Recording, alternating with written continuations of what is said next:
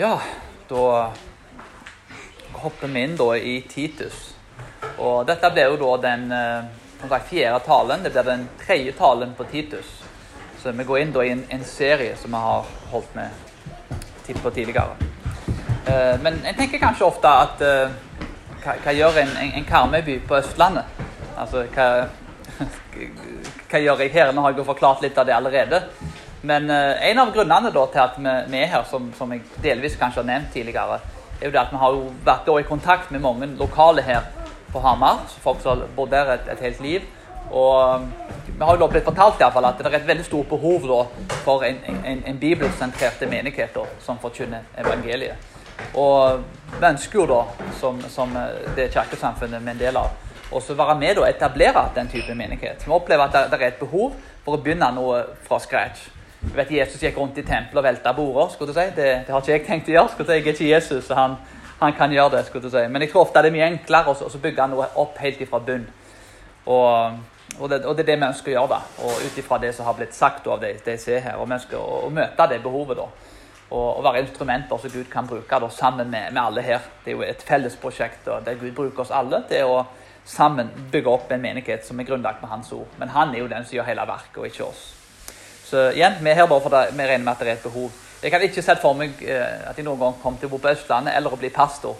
Så mange tenker kanskje at, uh, at en da, uh, ting kan være usannsynlige. Men det var de siste tingene som jeg hadde i minne. Så Gud er Ja, han, hans tanker er ikke våre tanker. skal du si, Og han tenker ofte alltid mye bedre tanker enn hva vi gjør.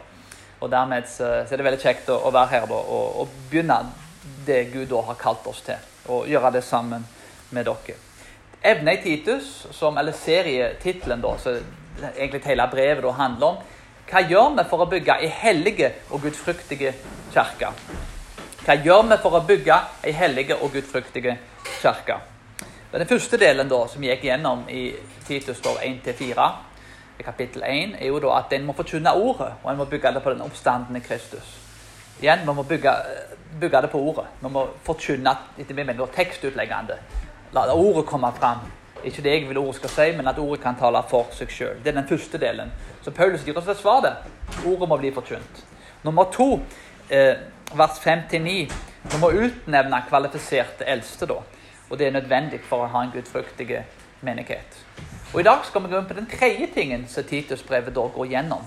Og det er det at En må irettesette falske lærere og falske lærere som da kommer inn i menigheten. Og Dette er da for at menigheten skal forbli hellige og gudfryktige. Igjen, En må forkynne ordet, en må innsette mannlige eldste, så det står ut ifra kvalifikasjonene. Men en må òg faktisk gå inn og irettesette den falske læra.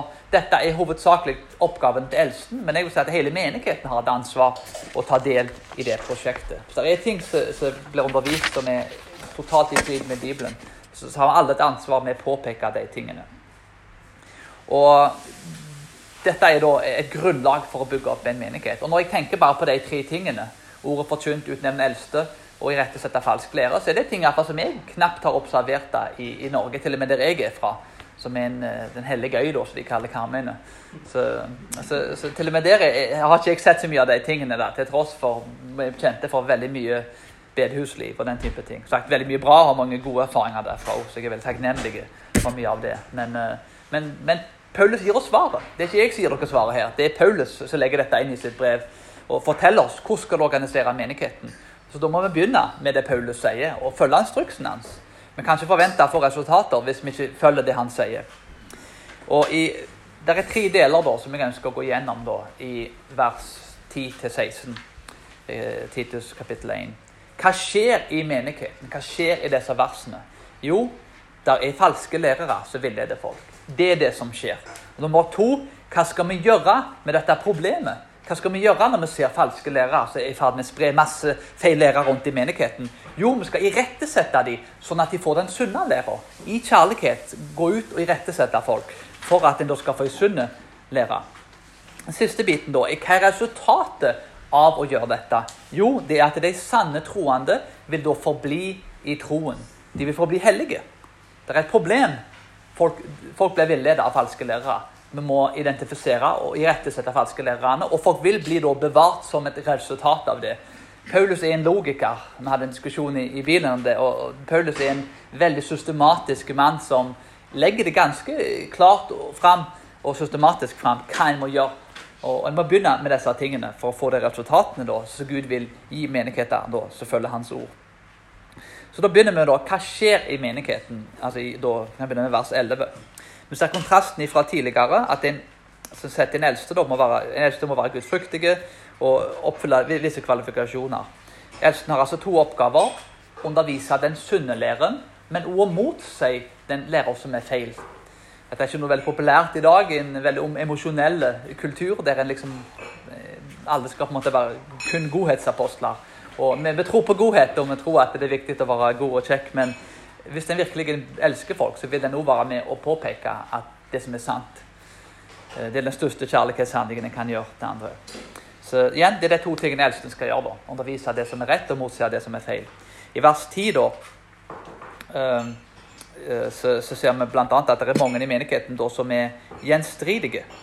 De vil ikke tro, de vil ikke stole på Kristus, og heller ikke sette sin lit til han. Her er det et problem at det, det er ikke mangelen på beviser som ligger foran disse folkene.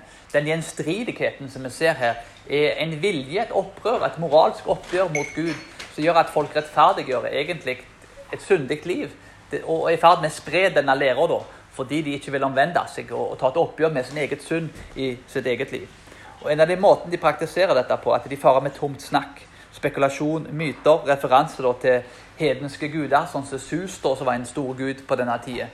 Så de driver mye med tomt snakk. Veldig mye snakk og veldig lite handlinger. En annen ting da som de gjør, er at de er med å føre folk vill.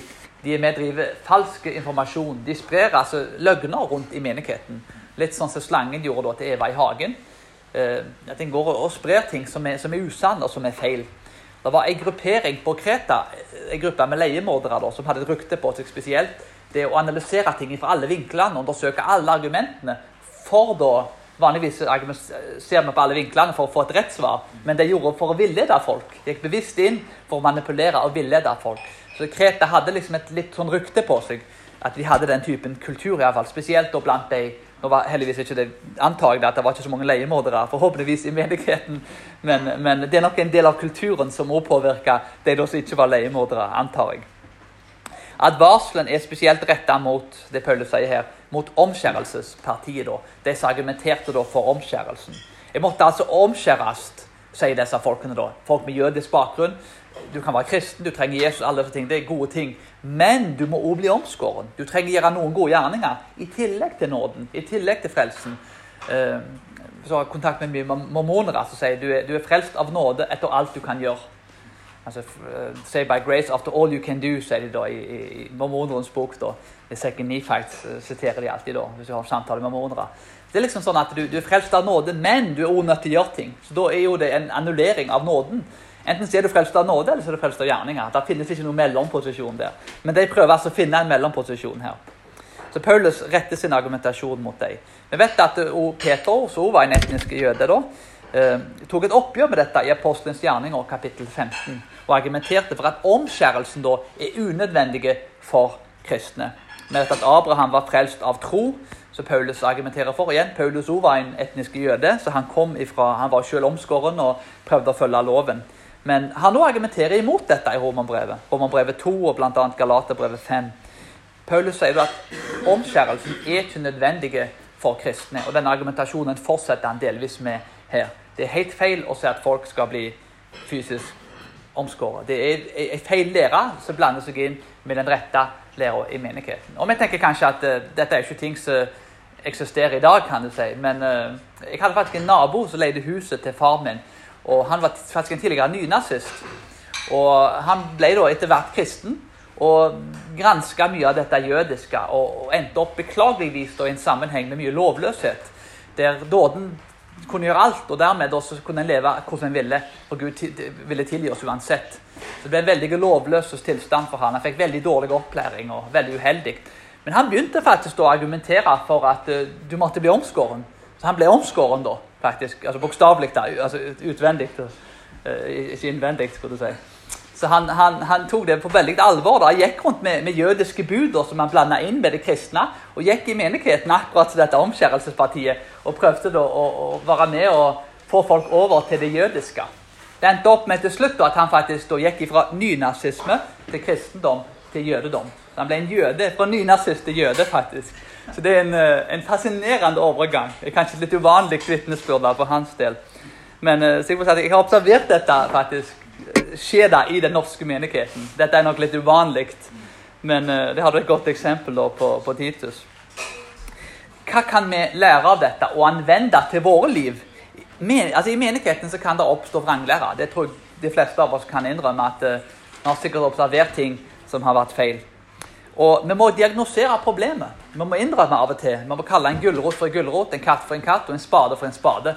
En må være med og påpeke at uh, dette er faktisk feil. Her er Bibelen, det er det som står. En skal gjøre det i kjærlighet. En skal ikke gå rundt og, og dømme folk. Men, men jeg har lov til å påpeke at ting er feil. Og Vi må diagnosere problemet og innrømme at det av og til er, er faktisk ikke ting så bra som det kunne vært. Og Paulus argumenterer veldig sterkt i dette brevet for at en skal irettesette den læra som er feil. Og Det ser vi mye av tjenesten til Paulus handler om. Så det er et problem. Folk blir villeda i menigheten. Vi ser videre i Titus 11-14 at en skal da irettesette disse da, som lærer det som er feil. Altså, Hva skal en gjøre med problemet? blir jo Det da. Det er et problem, det er feil lærer, og en må gå inn og irettesette den lærer. Og det skal en gjøre med problemet. Vers 11 da, så sier Paulus en bør stoppe munnen på dem fordi de fører ulykker over hele familier for ussels vinnings skyld. Igjen, eh, dette er en sterk ordbruk fra Paulus. Vi tenker ofte liksom at eh, Paulus var ikke så hard, men, men, han er veldig tydelig. Om han var fulgt av Guds kjærlighet, og alle de tingene, så var han også veldig tydelig når det kom til sannheten. Eh, det er et eksempel i dag som, uh, som kanskje flere, jeg antar kanskje flere av dere kjenner til. En ny bok som er kommet ut da, i, i, i pinsemenigheten, i den mer den lavkirkelige pinsemenigheten. så er det en som heter Hegertun, da, skrevet bok om homofili. Som er en del av mer den konservative, kanskje frikirkelige pinsebevegelsen. Eh, som er der mer presentert som en mer en bibeltro eh, ja, frikirkelig mann da, som skrev i bok da, at homofilt ekteskap er noe som vi som kristne blir godkjent. Og, og, vil ikke bare ta det inn. Dette er jo allerede godkjent i statskirke og blant liberalteologer. Men han representerer seg ikke som en liberal teolog, men jeg er en av dere. Jeg er en av den konservative, frikirkelige bibeltromannen. Dette er, er, noe som står i Bibelen. Dette må vi akseptere. Og som sagt, sikkert en veldig hyggelig kar. Eh, sikkert en kjekk nabo. og Det kan godt være han griller veldig god mat, og, og du kan ta liksom en brus med han på terrassen. Men igjen, det han lærer her, er jo feil. Det er i strid med det som står i Skriften. Og en må kunne si altså, Du er sikkert en grei kar, sikkert gode intensjoner, men dette er feil. La meg ta deg inn i Skriften og vise deg hvorfor. Ikke fordi jeg mener det er feil, men fordi Gud faktisk mener det er feil. Så det har du et eksempel at eh, Falske lærere kommer som regel ikke Vi tenker ofte på djevelen som en, som en kar med svarte kar med, med mørke horn og alt det. Men, men oftest er det en lysets engel. Det er en person som, som, ofte kommer kanskje i en dress og kommer med velformulerte ord. og altså, jeg vil si at det, Feil lære kommer ofte mer som, som, et lys, ikke som mørke. Det blir presentert på en veldig lys og fin måte. Nå kan du eh, spise det gode eplet. Liksom. Det smaker veldig godt. Veldig nydelig og fint eple, men innvendig er det råttent. Så dette er jo en feil lære, til tross for at folk kan ha gode intensjoner, har et godt hjerte bak det. Intensjonene til folk har ikke alltid så mye å si. Det er resultatene som teller. Og dette er ting som er å villede folk. Vers 12 da, så ser vi at kreterne er løgnere, onde villdyr og dovne storetere. Det er sånn eh, lokalt eh, sitat eller et, gjerne et dikt som Paulus repeterer. kan du si. Noe som blir sagt om kreterne blant deres egne folk. Eh, men eh, igjen, en veldig sterk språkbruk. Vi bruker kanskje ikke så direkte ord i, i Norge. Hvis du går tilbake til reformasjonen, da, så kan du finne lignende ord med, med Luther. Han har en veldig sterk ordbruk. Jeg tror faktisk at vi er blitt en del mildere da, i dagen enn hva det var da. Så Det er ikke alt som, som, var, som var, bedre da før i den forstand. Eh, men de var løgnere, da, for de, de løy om sus, da, gudens sus, da, som var gudenes gud, og de løy om gudene. Og hvis, hvis de da lyver om avgudene hvis de ikke snakker sant om avgudene, hvorfor skal de da snakke sant om den sanne guden? Det er litt av, sikkert litt av tankegangen til Paulus her. Paulus sier da at de er onde villdyr. Dyr som angriper da for å skade mennesker. Dette er folk da som oppfører seg som onde villdyr. At de angriper den åndelige helsa til folk. Folk blir skada åndelig og blir villeda bort ifra den bibelske sannheten, bort ifra frelsen. Så på mange måter er dette mye verre faktisk enn et ondt villdyr. De er dovne storetere. De spiser da, ikke for å bruke energien på arbeid, men spising da uten fruktbarhet. Omskjærelsespartiet da, de var jo åpenbart hadde en stor innflytelse i denne menigheten. Men Omskjærelsespartiet var et parti som i stor grad Husk på i Romerriket at eh, jødene hadde et fritak i Romerriket. De kunne tilbe én gud. De slapp å ofre til keiseren og, og tilbe avguder. Så De hadde et fritak. Dere kan få lov til å være jøder, men resten av befolkningen de må tilbe til keiseren.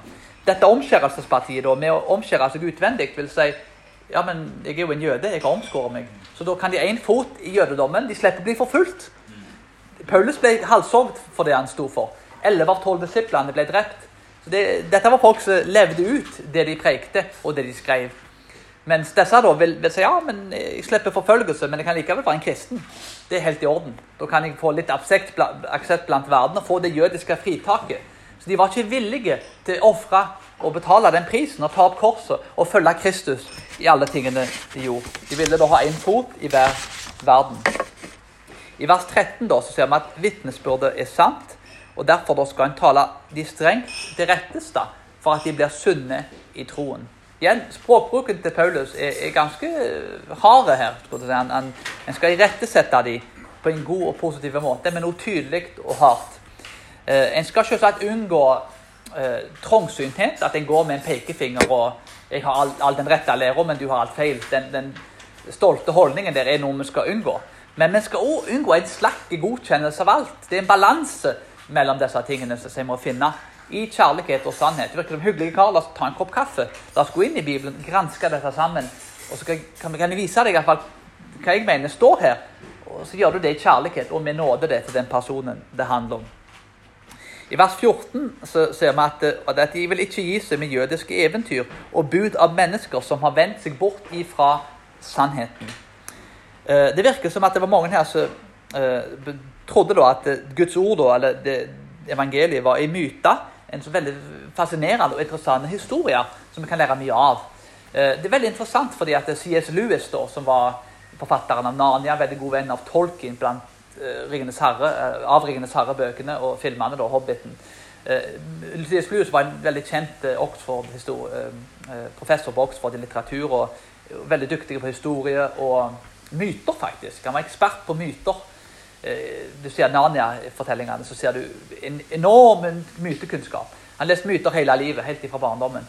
Så han gjenkjente myter og hvordan de skilte seg ut fra Bibelen. Og han sa at Bibelen er noe helt annet enn de hedenske mytene som, som, jeg leser, i motsetning her til hva de falske lærerne underviser. Så han ble, gikk fra å være ateist og, og til å bli kristen der, og gjorde veldig mye godt i, i livet sitt. Eh, en, en, annen ting som ligger til rette her, er jo at uh, mange av dere som har studert teologi, sikkert vet at det er en bok som heter 'Den store fortellingen'. blant annet. Og Jeg leste gjennom den. Og den nå til en viss grad i hvert fall vektlegger at Bibelen er en fortelling. Hyggelig historie. Uh, jeg var i England og studerte under veldig kjente gammeltestamentlige professorer. Og Ja, det, det er ikke historisk sant, men det er myter og veldig gode fortellinger. Gode verdier flott historie, liksom, en godnatthistorie. Litt sånn som så eventyrene med, med Askeladden og den type ting. Liksom. Litt, litt, assosiasjoner. Jeg tror ikke de sammenligner det helt med det. Men Bibelen, altså Jesus kom ikke for, for å proklamere historien, fortellingen. Nå skal jeg komme og fortelle dere noe kult. Jesus kom for å proklamere sannheten. Jesus er ikke fortellingen. Han er veien, sannheten og livet. Det er sannheten han kom for å proklamere. Å, å, å, proklamere en historie og en fortelling og en myte er noe helt annet enn å proklamere sannhet. Og Vi må proklamere Bibelen både til våre barn og som en menighet som noe som er sant, og bygd opp på noe som er sant. Ikke noe som er falskt. Når vi avviser sannheten, så er det konsekvenser. Nico har tatt meg litt gjennom Hamar sin historie, så får han irettesette meg da, hvis jeg tar feil i etterkant. Eh, hvordan jeg repeterer det her. Men i Hamar sin historie, da, som jeg forsto det, så var dette var den siste plassen som katolikkene ga fra seg eh, og ville da motta reformasjonen. Så Hamar har en lang historie der de har vært fiendtlig innstilt til å få inn Guds ord. Kristian eh, Sverdrup, da, som ble biskop i Hamar i 1953, da avviste helvete. Dere kjenner kanskje til Oles Haldesby og og den debatten da med Kristian Sverdrup, helvetesdebatten da på radioen. Da Han mente da at helvete var uforenlig med en kjærlighetsfull Gud. Han ble da biskop i Hamar, og det var den samme biskopen, da, Kristian Sverdrup, som avviste helvete, som da ordinerte den første kvinnelige presten i 1961. Det gikk vi gjennom litt, litt, litt, forrige gang. Men eh, en tydelig kobling her mellom de tingene. Og i dag så er jo da den biskopen som er i dag, Solveig Fiske, da eh, Det siste jeg leste faktisk i dag, for noen dager siden, var at eh, de holder på å utvikle liturgier, altså transliturgier, der de avvikler biologisk kjønn. Så de jobber iherdig i kirka for å avvikle biologisk kjønn, altså i liturgiene. Det er nesten som at uh, en, en, kan identifisere seg som det en vil. Og en da avvikler skaperordenen og Bibelens autoritet. Helvete i uh, forhold til uh, innsettingen av eldste blir, avvist, den bibelske strukturen der. Og så ser en da til slutt da, at det ender opp med å bli noe, noe ganske annerledes, tror jeg til og med enn Kristian Sverdrup hadde forestilt seg. Når en avviser Bibelen som sannhet, så er det en snøballeffekt. Det er dette, dette, i hop. da. Og jeg vet I Oslo så er det vel faktisk under 30% av barn som døyper seg da i kirka. Så det er jo rekordlave tall. Så ting er i ferd med å kollapse. Og igjen, alt dette kommer tilbake til Bibelen. Når vi avviser Bibelens autoritet, når vi tar imot denne falske læra som vi ser i Titus her, så vil det få konsekvenser, og det ser vi i dag. Hva kan vi lære av disse tingene? Vi kan identifisere problemet og irettesette den falske læren. Og igjen dette er oppgaven til hele menigheten. Alle må være med og irettesette falske lærer. Og igjen, eh, likte det med, med predikanter. Det kommer jeg til å gå litt inn på i etterkant. Eh, en må irettesette det som er feil, og gjøre det i kjærlighet og i godhet. Uh, en fin ting da at vi har Bibelen. Vi har Guds ord, så vi trenger ikke gå inn og si at jeg mener det og det og det. Nei, det er Gud som mener det og det og det. Så vi må ta folk inn i Bibelen. En ting som presbyterianere er at nå har en bekjennelse. Hvis du skal sjekke opp, lese hele Bibelen for hvert evne som du lurer på, så bør du ha mye tid til overs. da. Og det er ikke alltid vi har den tida med, med, barn og familie i fall, og, og, sånne type ting, og kanskje jobb og, og studier. Så vi har en bekjennelse der du kan gå inn på hvert kapittel og der alle eldste i menigheten må faktisk til en viss grad under, undervise de samme tingene. Og være enige i hvert fall om veldig mange av de fundamentale tingene. Så Westminster Standards, da, Westminster Confession, den er i ferd med å oversatt til norsk. Og der er det masse, hvis du får den versjonen, der er skrifthenvisninger til alt. Alt som blir sagt der, er ikke menneskeskapte bud. Det er ting som blir henvist til Skriften. Så det er enormt mye skrifthenvisninger. Du kan sjekke opp bibelversene på alt som blir sagt i den bekjennelsen. Men det har en et felles grunnlag og en, en, en bekjennelse som har vart helt siden 1647. Så det er en gammel bekjennelse. da. Så som jeg, jeg vokste ikke opp med den bekjennelsen, og heller ikke opp i dette kirkesamfunnet. Så jeg har faktisk forandra og blitt overbevist om at dette faktisk er mer sant enn de andre tingene som jeg har fått tidligere. Og det er bevisene, fall for min del, som har vært med overbevist meg om det. Og Videre da, så ser vi jo kontrasten og utviklingen sammenlignet med, med forrige tale i forhold til kvalifikasjoner. Vi ser da de moralske eldste da, som skal undervise de rette tingene. Men her ser vi umoralske mennesker, mennesker også i opprør mot Gud moralsk, som lever feil og gjør ting som er feil. Og derfor så underviser de feil ting. En ting som ofte misforstår, at folk intellektuelt er nøytrale. Det er de ikke.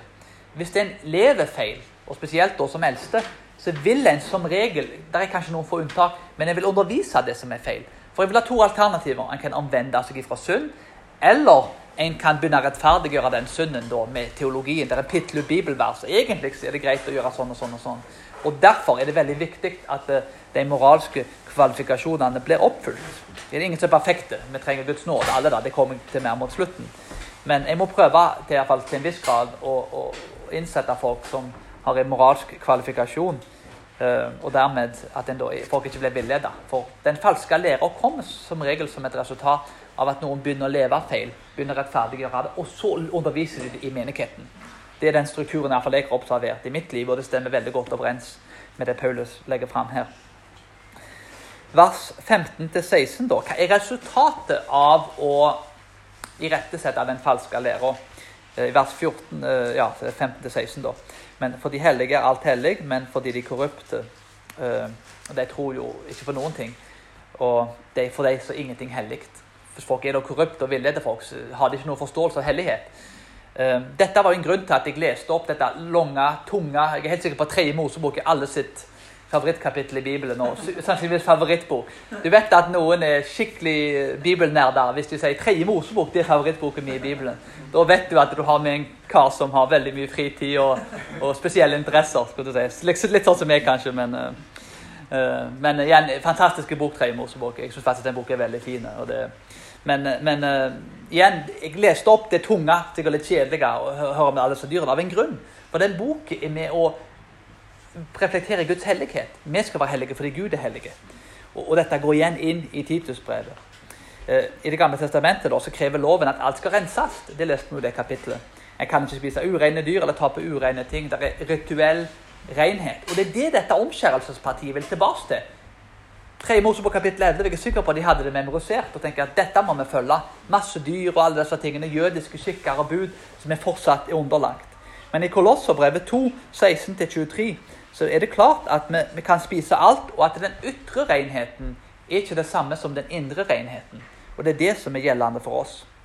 Omskjærelsespartiet her da, og de som drev på med denne læra, var mer opptatt som fariserene. Disse var ikke fariseere, men de var mer opptatt da, som fariserene av den ytre renheten, og ikke den indre renheten. For det er jo fra hjertet vårt alt kommer, som Jesus da sier i Markus kapittel 7. I vers 16 da, så står det at de, de, eh, de sier de kjenner Gud, men handlingene, med, handlingene fornekter de ham. De er ulydige og ikke i stand til å utføre noe godt. Paulus bruker altså sterke ord på å fordømme disse tingene. Urenhet, vederstyggelighet, blir da med henvisning til avgudsdyrkelse i tempelet. Og For noen med jødiske bakgrunn så er dette en uhyre sterk språkbruk. Dette er ikke ja, la oss, la, oss, la oss, gå ut og ta en kebab sammen og diskutere dette. Paulus er veldig rett på sak, og dette er feil. Paulus hadde jo en autoritet åpenbart som vi ikke har, så vi må kanskje være litt mer myke enn Paulus. Men, men eksempelet er jo Paulus sier vi skal imitere han, så vi må prøve i hvert fall til en viss grad å følge det eksempelet som han har, så godt som vi kan rett menneskelig. Igjen, falske lærere lever feil og, og, og underviser det som er feil. De har altså urene handlinger. Altså Som en mann tenker, sånn er han. Hvis en da tenker feil, så vil en undervise det som er feil. Og Det er faktisk et, et, et, eksempel her som jeg har opplevd som veldig destruktivt. Det er en bok som heter 'Tre konger'. Tre Kings. Kanskje noen av dere har lest den. Mer i, i ja, min, min, min, tidligere bakgrunn, så, så, hvis dere kjenner til den. da, så er det en bok der at du skal ikke røre Guds salvede. Eh, David da, han drepte ikke Saul, kong Saul da, i Det gamle testamentet, i Samuelsbøkene. Men han, han, fordi at Gud hadde salva han, Samuel hadde salva Saul, og dermed da så var det ikke nødvendig. og han hadde ikke lov til, Det var Gud som skulle fjerne han fra tronen. David hadde ikke lov til å gjøre det. Eh, det eksempelet blir ofte brukt i dag, at du har ikke lov til å kritisere ledere. Lederne kan ikke kritiseres. De er immune mot kritikk. Eh, først og fremst, de var monarker. Greit, Hvis du skal anvende det konsekvent, så må du si ja, jeg kan ikke kritisere den norske kongen. Den norske kongen har ikke så mye makt, så jeg tror ikke folk bryr seg om å kritisere han. Jeg bodde i England et år og var på Speakers Corner. og Der har du lov til å gjøre alt da, utenom vold og kritisere noe stygt om dronningen. Det er to reglene som de har der. Så det går det ganske hardt for seg. Men dronningen får et sånn fritak da fra disse tingene. Så det er jo en litt merkelig regel, men jeg tror ikke folk flest bryr seg om det. Men uh, dette er monarker, nummer én. Nummer to, Det gamle testamentet blir lest inn i det nye. Paulus gjør det klart og tydelig at falske lærere skal irettesettes du har lov til å kritisere ledere. Og jeg håper for min del at hvis jeg underviser ting som er feil, at jeg blir kritisert. Eh, jeg vil aldri komme til et punkt der jeg er immun mot kritikk. Jeg er en synder som gjør feil, og menigheten kan hjelpe også eldsten faktisk å bli bedre. Være i ordet og sørge for at eldsten faktisk ikke villeder folk. da. Så det er en kollektiv bit der alle har en rolle å spille. Men det er jo spesielt en rolle da til eldsten. Men en har altså lov, da, i motsetning til denne boka, sier altså vi er jo alle salva av Gud, og alle prester. Og vi har alle dermed en oppgave å kritisere det som er feil. Den anvendelsen her er jo da, som vi kan lære for dette, er jo da at ja, en får kritisere ledere, men en har òg en, en, en, plikt å undervise den sunne læra. Nå er ikke alle i en posisjon eh, som eldste der de kan gjøre det, men vi har alle en familie. Vi har alle barn, og det er jo den viktigste rollen av alt. Så jeg vil sterkt anbefale å bl.a. bruke katekismer. Det bruker jeg med, med med, med våre barn, iallfall med Sara, som er litt eldre. Eh, og gjerne familietilbedelse og den type ting. Der en da lærer doktriner til barn i en ung alder. Jeg glemmer fort ting ut, men, men Sara da, hun husker det veldig godt i den alderen når de får det repetert. Så det er en veldig god ting å lære opp barn i doktriner, at de kan skille mellom sunn og usunn lære. Får de det inn fra barnsbeina av, så, sitter det resten av livet da. De, de, de sitter klistra. Husken som på et barn er, er vel ti ganger bedre enn det som er voksne. Så det er jo nesten, nest dumt å ikke benytte seg av anledningen til å lære dem den sunne og den rette læra. Så det har en, en, en, praktisk anvendelse som jeg har positive erfaringer med så langt sjøl. Og det er helt sikkert at alle andre vil få det samme. Litt kort oppsummering, da. At en skal identifisere vranglære, irettesette falsk lære. Og som et resultat av dette så får en ei gudfryktige og hellige kirke. Ikke perfekte kirke. Altså, vi er syndere. Kirka er ikke et, et helgen for sorry, et museum for helgener, men det er et sykehus for syndere. da, til det var William Booth som sa det. Uh, så vi vil jo ha folk som har mange mangler og feil, men ei kirke som kan bli bedre enn hva vi ellers hadde vært hvis vi bygger det opp på den sunne læra. Og hva er det som gir oss kraft til dette? Er det det at vi skal gå i våre egne lovgjerninger og tenke at uh, og rettesette alt? Nei. Vi går i Kristus sin kraft. Den sanne læra kom ikke fra oss. Han kom fra Han som oppfylte loven. Han spiste alltid den rene maten. Når du leser 3. Mosebok kapittel 11 Jesus spiste all, alle den rene maten. Han holdt alle de lovene. Hver eneste lov. Han er den eneste som har levd, som har oppfylt alle budene. 613 bud til sammen. Og det er i kraft av hans blod som renser oss ifra disse tingene, som gjør at vi nå kan spise alt. Det betyr at du bør spise alt. Du bør kanskje ikke spise ti sjokolader på rad, si, men, men, du har lov til det der teknisk sett, hvis du skal dra den litt langt. Men uh, igjen, vi har lov til å spise alle matvarer. Uh, og dermed da, så, så, er det den indre renheten som teller, og det Kristus har gitt oss gjennom Den hellige ånd. Altså, Vi er altså rene, ikke fordi vi har fått rett lære eller den og den og den tingen, men vi er rene for vi hviler da i Han som har gjort alt rett. Hans evige nåde, hans evige blod og det han har gjort på korset. Så vi har ikke noe å være stolt over. Det er ikke vår lære, det er hans lære. Vi bare påpeker det mesteren allerede har manifestert. Og det er dette, og med den forhåpentligvis da ydmyke ånden, som vi går inn og kan irettesette. Vi irettesetter ikke ut ifra vår egen autoritet, men, for vi er ikke perfekte.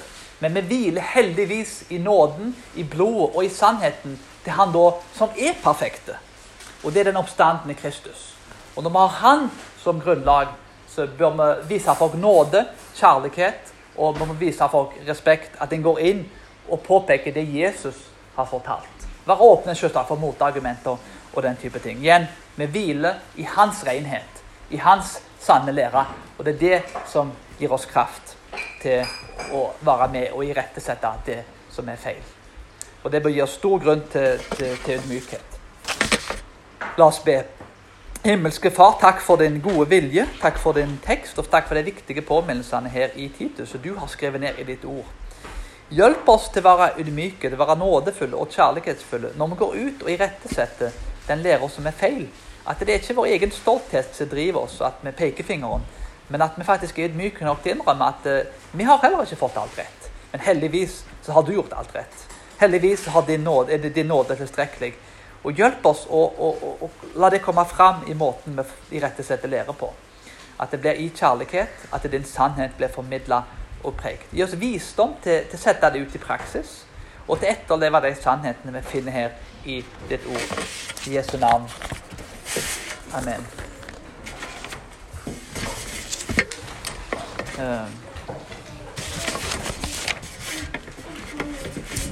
den eh, neste salmen da blir faktisk den samme salmen som forrige gang. Så da har vi litt melodien på gang. Vi har noen som er kommer sikkert ned snart, men vet musikalske så kan du Bare skru den av.